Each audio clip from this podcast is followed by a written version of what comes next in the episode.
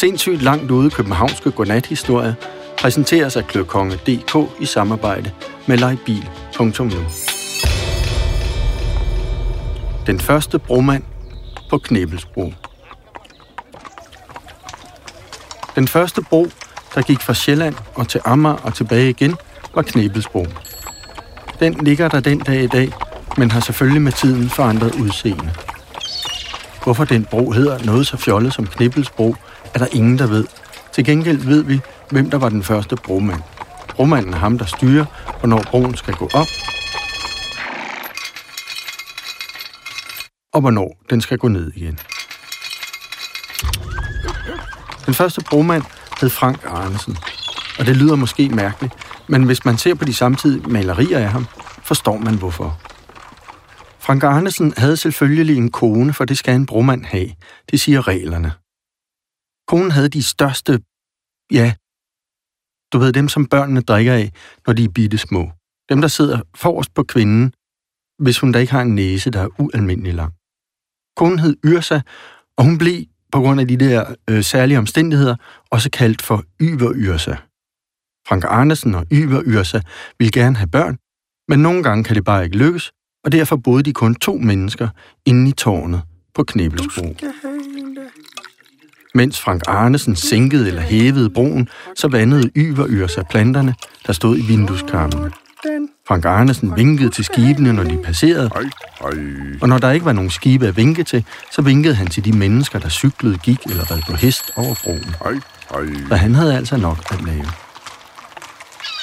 Det er faktisk sådan, at for at kunne blive en ordentlig bromand, så skal man være ualmindelig god til at vinke.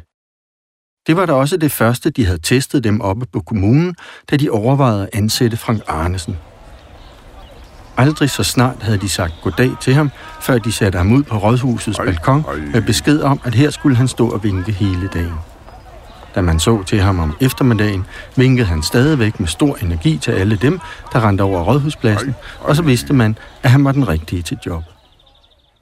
Reglerne siger ikke noget om, at bromandskonen også skal være god til at vande potteplanter, men Yver Yrsa var vidderlig god til det.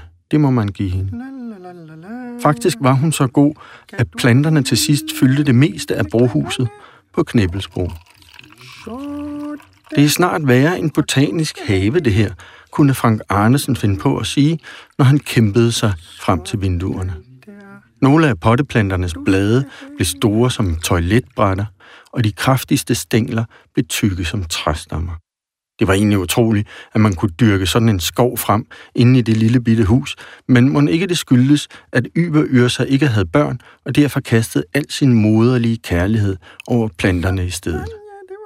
I hvert fald blev de tvangsfodret med nærende vandgrød hver morgen og dækket, til de faldt i søvn om aftenen.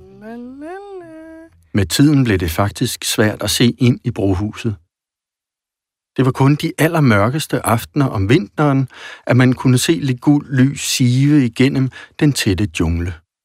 Der gik også stadig længere imellem, man så Frank Arnesen, og sådan set også hans kone. Det var, som om de var druknet inde i det store plantehav. Ulykken indtraf en torsdag formiddag lidt i 11. En tomastet skånder kom sejlende fra Sydhavnen med kurs mod Norge, den havde god vind i sejlene, så der var fuld fart på og skum for borgen.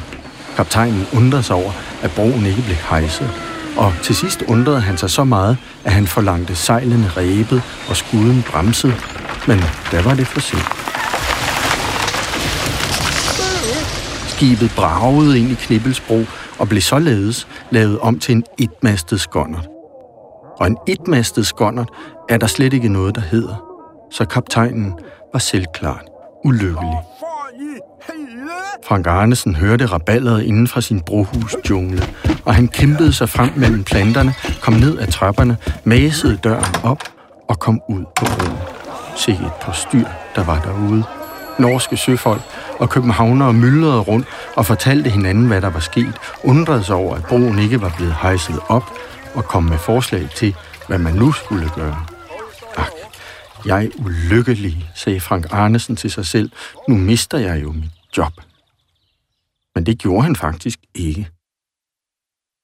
For københavnerne var elle vilde med deres bromand, og de var sikre på, at der stadig var masser af vink tilbage i ham, så de gik op på rådhuset og spurgte om to ting. For det første, om de ikke nok måtte beholde ham.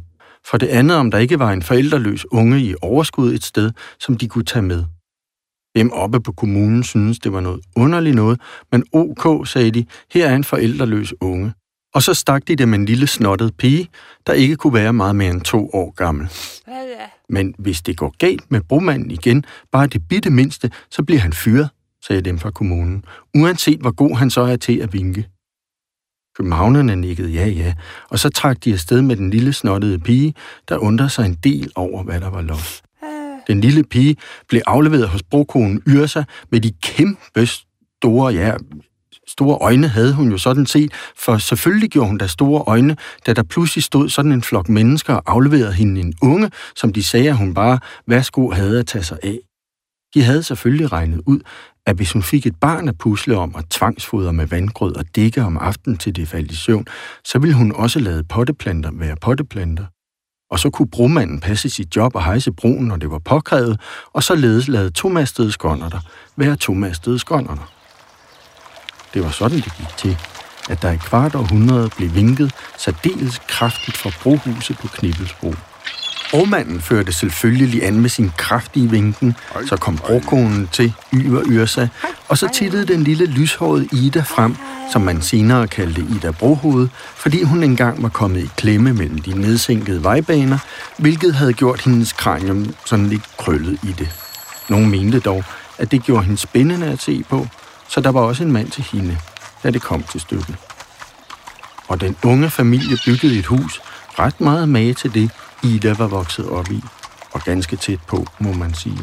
Og Ida producerede vinkende små poder, som mormor Yrsa puslede og nuslede og stopfodrede med havregrød og dikkede, til de faldt i søvn om aftenen.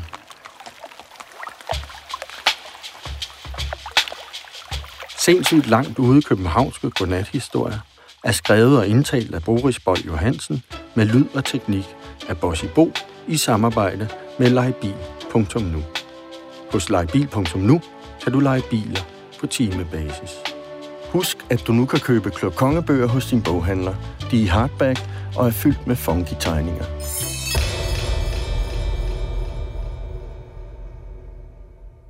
Hej, hej.